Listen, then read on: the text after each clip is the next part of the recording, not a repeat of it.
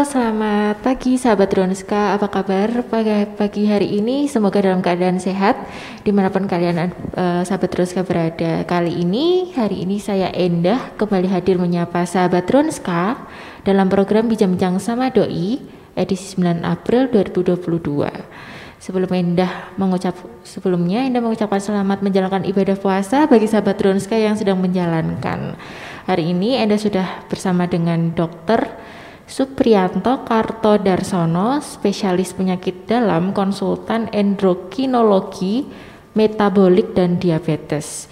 Beliau merupakan dokter spesialis penyakit dalam, konsultan endokrinologi, metabolik dan diabetes Rumah Sakit Dr. Un Kandang Sapi Solo. Selamat pagi dokter, Selamat bagaimana pagi. kabarnya? Selamat pagi. Puasa lancar dok? Puasanya lancar? Ya, alhamdulillah lancar. Iya baik. Dalam edisi kali ini kita akan membahas tentang puasa Ramadan pada penderita diabetes. Pas sekali nih saat ini tepat di hari ke-7 menjalani ibadah puasa bagi sahabat Ronska.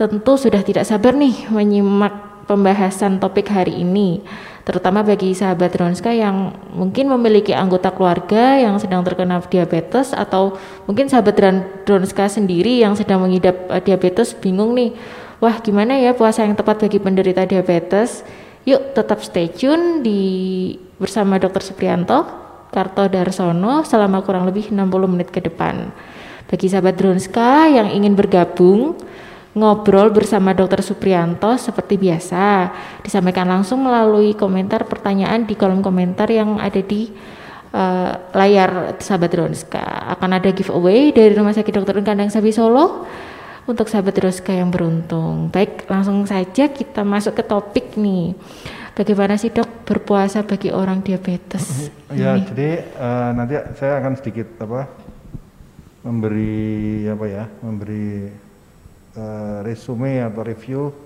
mengenai puasa Ramadan pada penderita diabetes mellitus ya.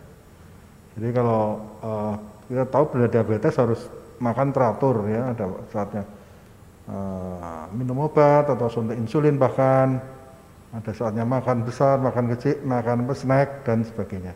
Nanti kita akan anu ya. Jadi ini apa hal-hal yang harus dipelajari, yang harus di apa di perhatikan pada penderita diabetes yang menjalani puasa Ramadan. Ya, ini jelas ada risikonya, risiko harus tahu itu ya. Oleh karena apa? Kalau risiko itu dirasakan, maka puasanya harus berhenti. Ya. Apa risikonya itu dehidrasi, kekurangan cairan jelas itu ya, karena kan uh, selama dari dari apa dari subuh sampai uh, berbuka puasa berbuka puasa dari saat berbuka puasa kan tidak minum, tidak makan itu resikonya dehidrasi. Padahal mungkin panas atau uh, banyak bekerja atau uh, olahraga ringan itu nanti akan mengeluarkan cairan. Kemudian kita hipoglikemi hipoglikemi kekurangan gula glukosa dalam darah. Oleh karena uh, cadangan makanannya sudah habis ya. Uh, tapi bisa juga hiperglikemi justru gulanya jadi tinggi. Uh, itu juga tidak boleh juga. Kemudian ada yang namanya ketoasidosis ya itu komplikasi akut dari diabetes mellitus yang biasanya terjadi pada penderita diabetes tipe 1 biasanya, tapi yang tipe 2 juga bisa. Oleh karena itu penderita diabetes tipe 1 atau biasanya DM pada anak-anak dan dewasa muda nah, itu dalam tanda petik tidak boleh menjalani puasa karena resiko terjadi ketoasidosis lebih besar. Kemudian trombosis, trombosis itu apa? Sumbatan pada pembuluh darah. Ya, ini kalau puasa terjadi uh, dehidrasi tadi ya kekurangan apa? Kekurangan cairan sehingga hmm, darahnya itu lebih pekat. Nah, orang diabetes mudah terjadi penjenalan darah, ya itu mudah ter apa terjadi trombosis.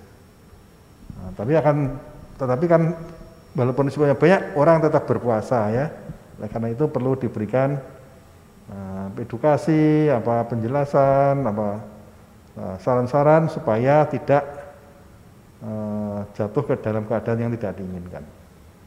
Ya. Baik dok, uh, kalau misalkan ada kondisi diabetes tertentu nggak sih dok untuk yang diperbolehkan puasa? Apakah semua tipe-tipe diabetes itu dibolehkan untuk puasa? Ya, kalau tipe 2 boleh, ya, tipe 1 tidak boleh. Tipe-tipe yang lain mungkin boleh ya ada tipe karena apa karena uh, pankreatitis apa tipe karena malnutrisi apa relatif boleh ya. Tapi kalau tipe satu kenapa tidak boleh? Karena dia tidak mempunyai insulin dalam tubuhnya ya. Sehingga uh, kalau dia tidak disuntik insulin maka terjadi namanya ketosis pemecahan lemak menjadi tenaga. Sangat berbahaya ya nah, nanti ada ini sebentar lagi mungkin dilewatkan ya ya jadi apa saja yang perlu diperhatikan itu nutrisi aktivitas fisik dosis obat jelas Nah, yang uh, penting adalah pemantauan glukosa darah ya. Jadi sekarang tidak hanya orang apa puasa, semua penderita dianjurkan untuk melakukan pemantauan glukosa darah mandiri. Artinya apa? Masing-masing punya alat sendiri untuk memantau gula darahnya ya. Hanya masalahnya ini kan harganya uh, relatif mahal. Tapi uh, sekarang apa dianjurkan salah satu Eh, apa keamanan safety dari penderita diabetes adalah mempunyai alat itu. Kemudian yang penting adalah kapan pasien harus membatalkan puasanya. Nanti akan ada ya. Ya. Jadi aktivitas fisik boleh hanya ringan apa yang rutin. Ya. Oh ya dok, kalau misalkan ada bagaimana sih dok pengaturan minum tadi kan ada di slide sebelumnya. Hmm Bagaimana sih pengaturan minum obat atau suntik insulin bagi penderita oh, ya. diabetes? Mungkin itu itu yang paling akhir saja nanti itu kan yang paling penting ya. Ya ini sekarang pengaturan minum minum minum apa minum minum minuman ya. Jadi salah satu risikonya adalah tadi dehidrasi sehingga pada waktu belum mulai puasa jadi sejak apa ini sahur kemarin eh buka kemarin sore sampai sahur harus minum yang cukup termasuk untuk cadangan selama menjalankan puasa. Karena banyak uh, mengalami dehidrasi ya, sehingga harus membatalkan puasanya. Ya, nah ini, ya ini yang kemudian siapa saja yang dia disarankan membatalkan puasa, yaitu gula darah kurang dari 70 mg per desiliter atau 75 mg persen ya, gula darah naik ke 300 mg makanya perlu dilakukan pemantauan mandiri tadi ya. Terdapat gejala-gejala hipoglikemi dehidrasi dan penyakit akut lainnya. Ya, misalnya kemudian mendapat panas tinggi atau apa ya influenza berat apalagi covid itu ya harus harus harus batal itu atau apa namanya uh, uh, orang yang dewasa tensinya dari 200 itu juga harus batal ya karena dia harus minum obat-obat tekanan darah tinggi. Ya. Nah ini gejala hipoglikemi apa ini harus tahu ya. Tangan gemetar, berkeringat dingin, pusing. Ini belum ada pusing. Oh, ini ada nyeri kepala pusing. Jadi pusing adalah tanda awal dari hipoglikemi. Gula darah terlalu rendah, dada berdebar, lapar, ya lapar otomatis lapar. Nah, kalau yang agak berat terjadi gangguan kesadaran, bingung, sampai tidak sadar, ya. Jadi kalau ada teman-teman saudara-saudara yang pusing harus waspada itu, itu gejala dari hipoglikemi. Ya. Ini. Apalagi ini yang hiperglikemi bisa juga terjadi hiperglikemi. Gejalanya yaitu haus ya. Jadi kalau orang uh, diabetes kan kencing banyak sehingga dia menjadi haus karena banyak kencing poliuria. Maka biasanya dia mengalami polidipsi atau banyak banyak minum sehingga kalau rasa haus sekali ya harus batal. Ya. Lapar, sering kencing ya itu rasa lemah, bingung, mual muntah dan nyeri perut. Ya. Nyeri perut itu tanda dari bergigimi juga. Ya. Nah, ini ini tadi kan ya nanti kebutuhan cairan 1200 sampai 1200 2000 sahur 34 persen ini dengan dibagi-bagi Waktu sahur 30 40 persen, berbuka 45 persen, nah, kemudian ditambah apa namanya snack dengan minuman ringan 10 sampai 20 persen. Ya. Nah ini ini mempertahankan tingkat hidrasi dengan minum cukup banyak air ya. Hidrasi itu supaya tidak kurang cairan. 30 sampai 50 cc per kilogram berat badan. Jadi kalau berat badannya 50 ya berapa? 1500 uh, cc atau satu setengah liter sampai dua setengah liter. Ya ini, ini saya tulisannya kecil-kecil sekali, mau diperbesar kangelan nih ya. Jadi ada pasien-pasien yang mempunyai resiko me, me, apabila melaksanakan eh, puasa, yaitu resiko sangat tinggi. Nah, kemudian risiko tinggi, risiko menengah dan risiko rendah. Risiko sangat tinggi ya dianjurkan untuk tidak melakukan ibadah biasa. Misalnya mengalami hipoglikemi berat tiga bulan terakhir ya. Jadi sampai tidak sadar ya. Jadi orang kalau hipoglikemi ada ringan, sedang, berat. Kalau berat mungkin sampai tidak sadar. Nah, kemudian itu risiko sangat tinggi sehingga dianjurkan untuk tidak puasa. Risiko uh, tinggi hipoglikemi tapi tidak tinggi sekali ya. Gulanya tinggi tapi tidak tinggi sekali. Risiko menengah ya uh, apa namanya? Ada komunikasi dan HbA1c kurang kurang dari 8 ya. Tapi itu ada rata-rata gula darah selama tiga bulan. Glukosa rendah ya yang gula darahnya terkontrol. Ya.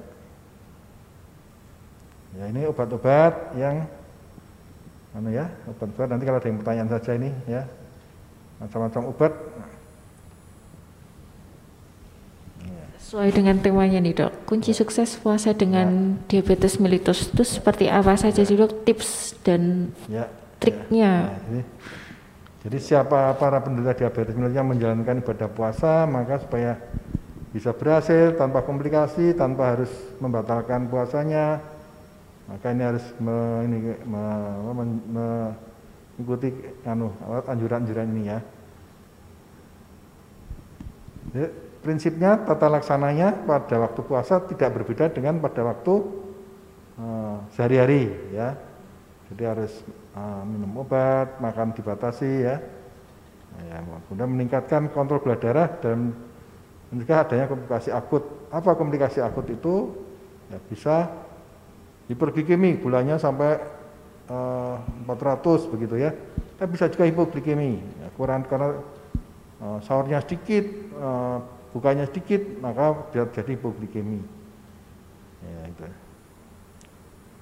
ini obat-obat ya obat-obat saya kira nanti aja karena tulisannya kecil-kecil juga ya ini obat-obat semua ya.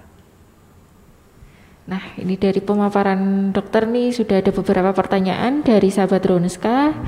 dari Nasraununi.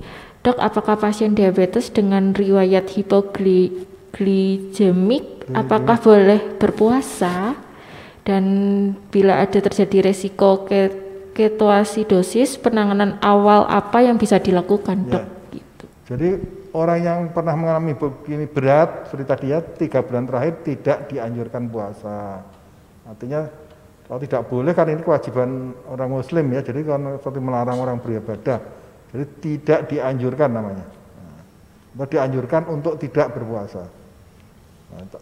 Hipoglikemi berat jadi sampai tidak sadar atau dan berulang-ulang mungkin dianjurkan untuk tidak puasa. Tapi kalau hipoglikemi ringan saja ya boleh berpuasa dengan catatan misalnya uh, apa uh, makan pada waktu sahur cukup, kemudian mungkin merubah apa namanya obatnya. Dokter merubah obatnya uh, terutama obat yang diminum pada waktu sahur ya. Jadi obat yang sahur misalnya uh, obatnya uh, apa obat glimapirid 1 mg maka bisa diberikan setengahnya. Atau suntik insulin 10 unit bisa diberikan uh, separuhnya 5 unit saja. Itu untuk mencegah hipoglikemi salah satu cara cara untuk mencegah hipoglikemi dengan menambah jumlah makan yang dimakan selama sahur atau mengurangi obat yang diminum selama sahur caranya itu untuk konsumsi makanannya seperti apa tuh dok? Kalau untuk yang penderita hipoglimik yang oh ya ibu ya makanya makan karbohidrat harus cukup. Karbohidrat apa? Ya nasi ya. Jadi karbohidrat itu kan ada karbohidrat sederhana ada karbohidrat kompleks karbohidrat sederhana itu uh, teh manis misalnya itu karbohidrat sederhana. Uh, begitu diminum langsung naik gulanya. Uh, sehingga waktu apa begitu diperiksa dia nanti gulanya tinggi. Itu tidak boleh. Untuk penderita diabetes tidak boleh. Tapi glukosa kompleks yaitu nasi roti apa pohong ya. Pohong tuh. Jadi eh, apa makan-makan pokok adalah glukosa kompleks yang dianjurkan. Pada waktu apabila sering terjadi hipoglikemi maka makan gula kompleks pada waktu sahur mungkin ditambah ya. Jadi makanan yang mengandung itu karbohidrat kompleks ditambah pada waktu sahur supaya tidak terjadi hipoglikemi dan kalau tetap terjadi hipoglikemi walaupun sudah jam 5 sore harus batal. Karena kalau tidak batal nanti harus mondok harus diinfus ya. Jadi tetap harus batal. Oke, baik dok. Ini juga ada pertanyaan lagi dok dari my underscore savana Dok, bolehkah orang yang diabetes mengkonsumsi minuman elektrolit di saat berbuka dan sahur? Ya, minuman elektrolit boleh, tapi minuman elektrolit yang mengandung kalori tinggi nggak boleh. Jadi minuman elektrolit yang dijual itu kan kalorinya tinggi kan untuk olahraga ya, jadi kalorinya tinggi juga. Itu artinya tidak boleh. Itu kan gula sederhana, dia diminum langsung naik. Jadi beberapa waktu yang lalu saya menyukai itu, wah saya dengan bangga dia cerita, minuman yang mahal harganya ini.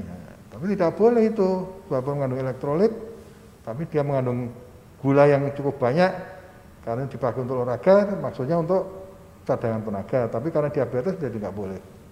Ya, elektrolitnya boleh. Ya.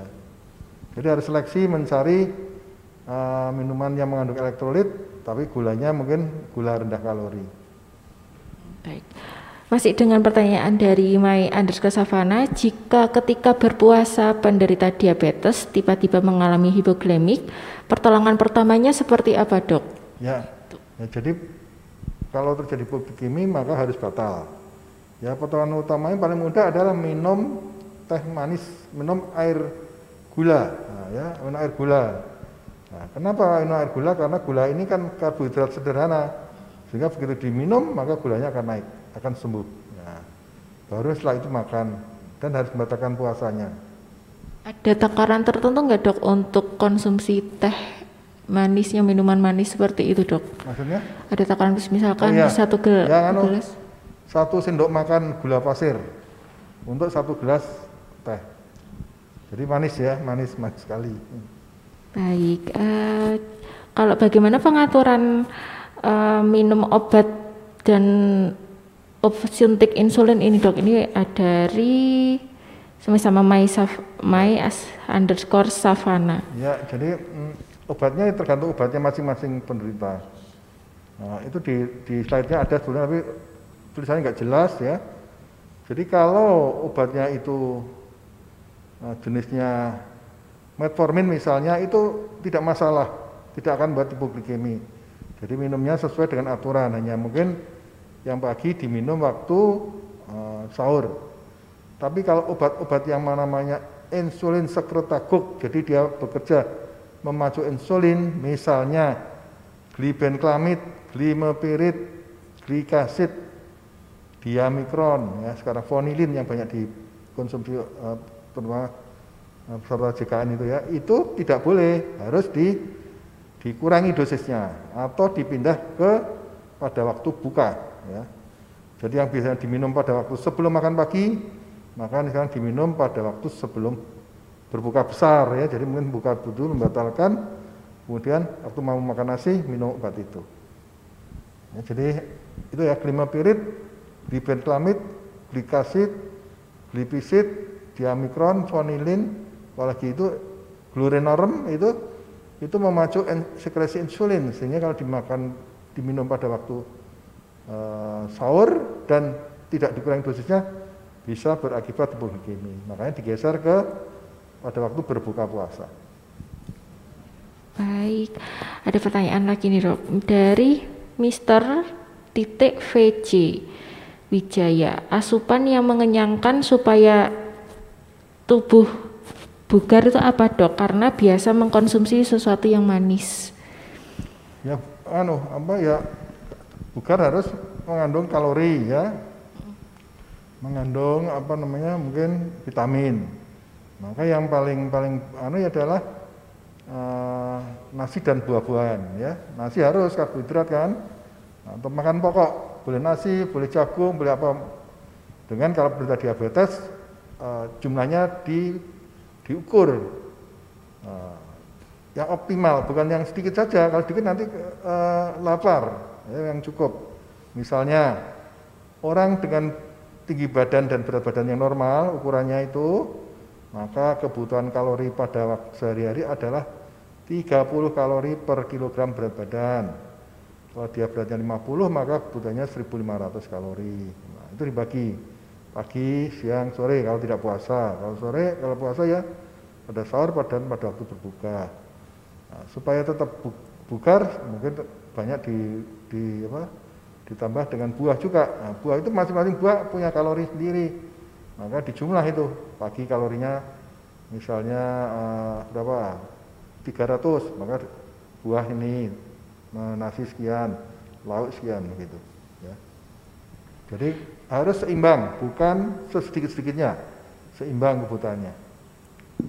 Eh, baik, uh, ada ada nggak sih dok persiapan khusus untuk penderita diabetes saat bulan Ramadan? Ya persiapannya yaitu menentukan terutama minum obat ya, yang minum obat harus uh, sebelumnya konsultasi dokternya karena obatnya yang biasanya diminum pagi hari, apakah boleh tetap pagi hari, apakah dosisnya dikurangi atau tidak, atau sebaiknya dirubah kepada waktu sore hari berbuka puasa atau tidak. Kemudian tadi insulin ya, insulin itu saya kira mudah sekali menyebabkan hipoglikemi, maka itu harus harus konsultasi ke dokternya. Nah, karena ada jenis insulin yang diberikan sehari, namanya insulin basal. Contohnya yang paling banyak adalah Lantus, Levemir, ada Ezelin, ada apa lagi? Uh, apa lagi ya? Lupa saya. Itu yang paling banyak adalah Lantus itu maka dia biasanya diberikan malam hari. Itu mungkin tetap saja diberikan malam hari dosisnya bisa dikurangi. Misalnya 80% tapi kalau uh, uh, makannya cukup mungkin tidak perlu dikurangi. Tapi kalau yang insulin prandial namanya insulin pada waktu makan yang disuntikkan menjelang makan jadi pagi siang sore waktu mau makan maka uh, suntikan siang jelas tidak makan tidak diberikan dikurangi Kemudian uh, suntikan pada waktu berbuka tetap, pada waktu bersahur dikurangi, mungkin setengahnya atau uh, 40 persen, 50 persennya. Jadi pada waktu sahur suntikan insulin sebaiknya dikurangi. Ya, ya. Oke baik dok. Uh, tadi kan dari dokter menjelaskan uh, rutin untuk cek gula darah ya, begitu ya, ya dok. Ya. Itu bagaimana tuh? Kapan untuk cek kadar ya, gula darahnya itu dok? Maaf, kalau terakhir apa?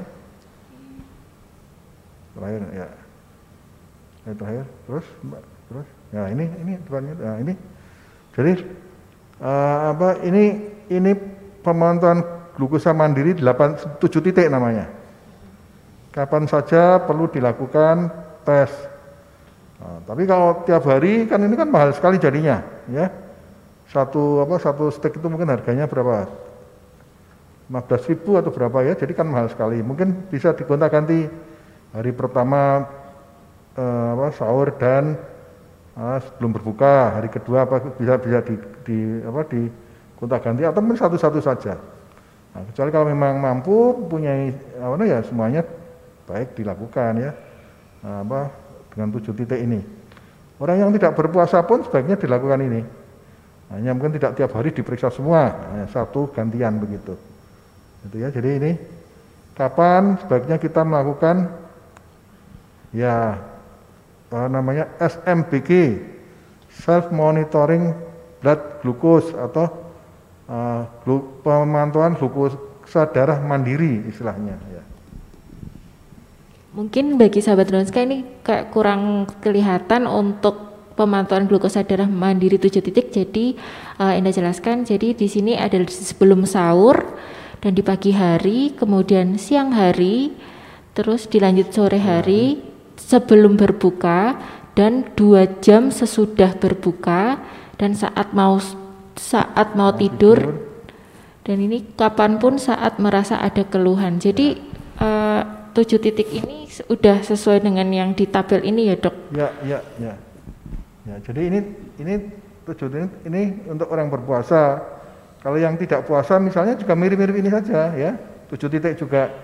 Nah, tapi kalau ini terlalu mahal maka yang penting adalah pada waktu kalau ada keluhan.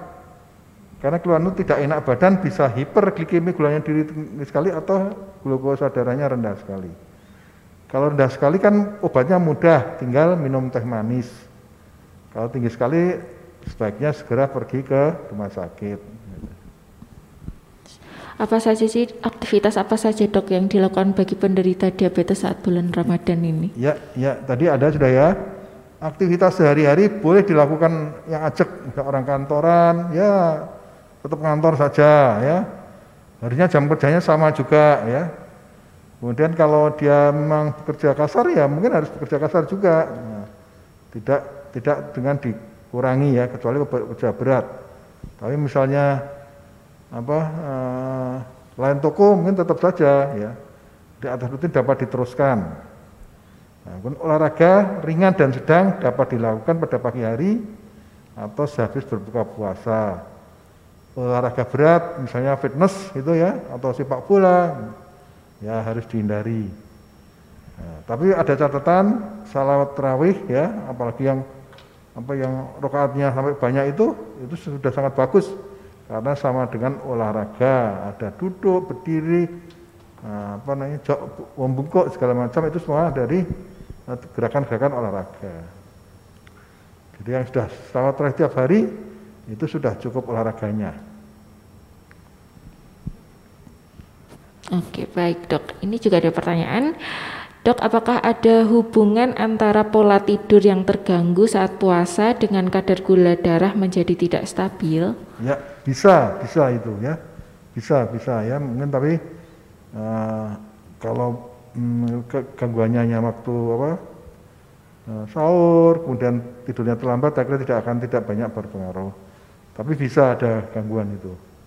Nah, contohnya orang yang uh, orang yang tidak bisa tidur sepanjang malam gitu nanti mungkin akan tinggi gula darahnya gitu ya. Tapi kalau selama puasa ini saya kira tidak akan uh, signifikan tidak akan signifikan ya. Kapan sih dok uh, untuk periksa ke dokter nih? Kalau untuk wah kok aku udah merasa badanku gak enak terus mual, pusing dan sesuai dengan gejala-gejala yang tadi dokter sampaikan itu kapan dok? Kita harus periksa ke dokter itu kapan? Ya kalau orang yang benar diabetes punya itu alat itu ya diperiksa gulanya dulu atau periksakan gula dulu ke laborat ya.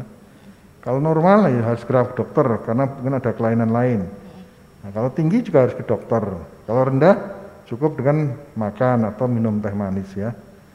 Jadi kalau ada perasaan tidak enak terutama pada diabetes yang pertama-tama kita khawatirkan adalah uh, hipoglikemi, gula darahnya rendah. Contohnya Orang yang selalu mimpi buruk, ya, jadi kalau tidur terus bangun mimpi buruk itu biasanya karena pada waktu tidur itu gula darahnya terlalu rendah. Nah, manifestasinya bisa mimpi buruk gitu ya. Jadi rasa tidak enak juga bisa rendah, bisa tinggi sehingga nah, mungkin sebaiknya periksa darah dulu gitu ya. Baik, bagi sahabat Ronska nih yang mungkin baru saja bergabung, jangan khawatir, tayangan kita ini akan ada siaran ulang kembali besok hari Minggu. Tetap stay tune di Instagram dronska.com. Baik, kita lanjut lagi dok. Kalau untuk uh, makanan apa saja sih yang tidak boleh, yang tidak boleh dianjurkan, di, ya, tidak ya, dianjurkan ya. oleh penderita diabetes ya. selama bulan puasa atau tidak pas bulan ya, puasa gini ya. dok? Ya makanan-makanan yang uh, uh, tinggi kalorinya ya. Jadi tinggi kalorinya itu ya mungkin volumenya kecil tapi kalorinya tinggi gitu ya. Nah, misalnya coklat, coklat atau apa namanya uh, uh, buah yang terlalu manis, anggur, kelengkeng gitu ya, itu tidak dianjurkan kecuali terbatas jumlahnya. Kalau jumlahnya banyak ya itu akan men, volumenya sedikit tapi akan menangkatkan glukosa darah ya. Tapi kalau uh, makannya sedikit mungkin tidak apa-apa ya. Jadi kalau kalau uh, yang tidak dianjurkan adalah makanan-makanan dengan kalori yang berlebihan. Ya. Volume sedikit tapi uh, uh, kalorinya tinggi sehingga orang tersebut rugi karena dia memerlukan volume yang banyak untuk memenuhi kebutuhan tubuh, nah, tapi dia sedikit sudah habis dari makanan yang manis tadi ya. Kecuali pada keadaan tertentu, misalnya keadaan hipoglikemi tadi ya. Kalau hipoglikemi mungkin orang boleh makan coklat untuk menghilangkan uh, apa namanya gula darah yang rendah tadi. Ya, jadi kalau di luar negeri disediakan itu tablet glukosa yang kalau sudah di apa dihisap itu langsung larut. Ya. Tapi kalau saya kadang-kadang uh, coklat itulah ya coklat lebih enak dan bisa menaikkan gula darah dengan cepat. Karena kan kadang-kadang tidak sempat atau kesulitan membawa uh, minuman manis ya. Jadi kalau membuat teh manis gak mungkin kelamaan. Makanya main coklat atau permen, permen dihisap gitu nanti mudah-mudahan itu untuk mengobati hipoglikemi bukan untuk uh, makanan yang enak. Kalau makanan enak ya nanti gulanya uh, apa namanya jadi tinggi ya. ya. Baik dok, uh, untuk yang tadi minum dok teh anget, eh, itu apakah teh anget atau panas atau dingin dok untuk minuman awal-awal? Uh, iya. Nah, iya boleh apa saja. Dingin boleh, panas boleh, asal uh, gulanya larut sudah ya. Gula larut misalnya apa? Teh botol yang di dalam es itu boleh saja ya. Yang penting gula itu segera bisa diabsorpsi begitu ya. Tapi kalau eh, apa eh, kita harus melarutkan gula kalau panas kan lebih cepat ya, hangat lebih cepat sehingga bisa lebih serap cepat diserap. Tapi prinsipnya asal bisa diserap dengan cepat boleh. Maka es krim boleh juga es krim ya. Baik, yang penting makanan yang mengandung gula seperti ya dok untuk ya. pertolongan pertamanya. Iya, iya, ya, mengandung gula dan cepat diserap. Baik, uh, untuk sahabat Dronska, jika ingin konsultasi seputar penyakit diabetes, bisa dengan Dr. Suprianto di Poliklinik Penyakit Dalam Rumah Sakit Dr. Un Kandang Sapi Solo setiap hari Selasa dan Jumat pukul 2 siang. Atau sahabat Dronska jika berhalangan datang nih ke rumah sakit atau karena kondisi tidak memungkinkan untuk datang ke rumah sakit, sahabat Dronska bisa menggunakan layanan telemedicine konsultasi online dari Rumah Sakit Dr. Un Kandang Sapi Solo. Caranya mudah sekali, sahabat Dronska tinggal mengisi melalui website di rajal.dronska.com. Nah, di situ nanti sahabat Dronska bisa memasukkan data diri dan memilih dokter untuk dilakukan telemedicine. Seperti itu. Baik, Dok, kita lanjut lagi untuk topik pada hari ini. Ini juga ada pertanyaan dari Wawan Minson. Saya penderita DM, terapi insulin. Saat buka puasa, apakah boleh menunda makanan berat? Biasanya saya buka dengan minum. Itu gimana dok? Ya boleh ya. Jadi saya kira makan minum dulu, baru terus apa nanti uh, setelah sholat maghrib mungkin boleh makanan berat boleh nggak apa-apa. Nah, atau makan kecil nanti habis apa namanya terawih makan berat juga nggak apa-apa. Nah, jadi insulinnya disesuaikan. Nah, kecuali penderita DM tipe 1 ya, tipe 1 tidak bisa Makanya tadi tidak dianjurkan karena kalau dia ter, tidak terlambat nyuntik insulin bisa terjadi namanya ketoasidosis tadi ya. Jadi nah, DM tipe 1 tidak dianjurkan untuk berpuasa. Kalau berpuasa ya harus harus ketat sekali ya. mengatur apa namanya mengatur uh, makanan dan insulin yang disuntikkan. Baik dok, ini ada pertanyaan lagi dari Malma Werdi apakah ada hubungan diabetes dengan ginjal dok? Ya, ya jadi ini ini begini ya, jadi uh, uh, kadang-kadang penderita tidak mau minum obat karena obatnya banyak dan lama maka takut kena ginjalnya. Itu saya kira sesuatu yang sangat keliru ya. Jadi sebagian besar penderita diabetes yang mengalami komplikasi ginjal disebabkan karena gula darahnya yang tidak terkontrol ya. Jadi disebabkan karena kadar gula darahnya yang tinggi, yang sering tinggi. Ya, itulah akan terjadi eh, nefropati namanya, eh, kelainan ginjal akibat diabetes. Nah, jadi penyebab dari cuci darah yang paling banyak di seluruh penjuru dunia adalah diabetes, bukan obat ya. Jadi jangan salah sangka. Jadi Bapak Ibu tidak usah khawatir dikasih obat yang jumlahnya cukup banyak. Karena apa? Karena biasanya uh, diabetes tidak berdiri sendiri, ada diabetes, ada hipertensi, ada kolesterol yang tinggi, sehingga obatnya sendiri-sendiri. Hmm. Nah, obat-obat itu bertujuan menurunkan glukosa darah dan uh, tekanan darah misalnya. Nah, kedua hal ini, apa, gula darah tinggi dan tekanan darah tinggi lah penyebab utama dari uh, penurunan fungsi ginjal pada penderita diabetes. Oleh karena itu jangan khawatir dan jangan menyalahkan obatnya. Yang disalahkan adalah gula darah yang tidak normal. Nah, jadi gula darah yang sering tinggi akan menyebabkan komplikasi kronis. Salah satunya adalah apa namanya uh, gagal ginjal.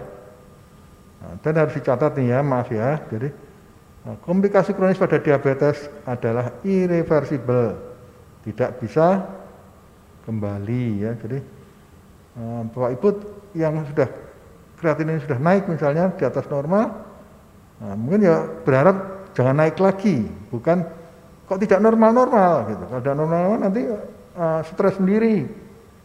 Makanya kok tidak bukan kok tidak normal, jangan sampai naik lagi. Caranya bagaimana?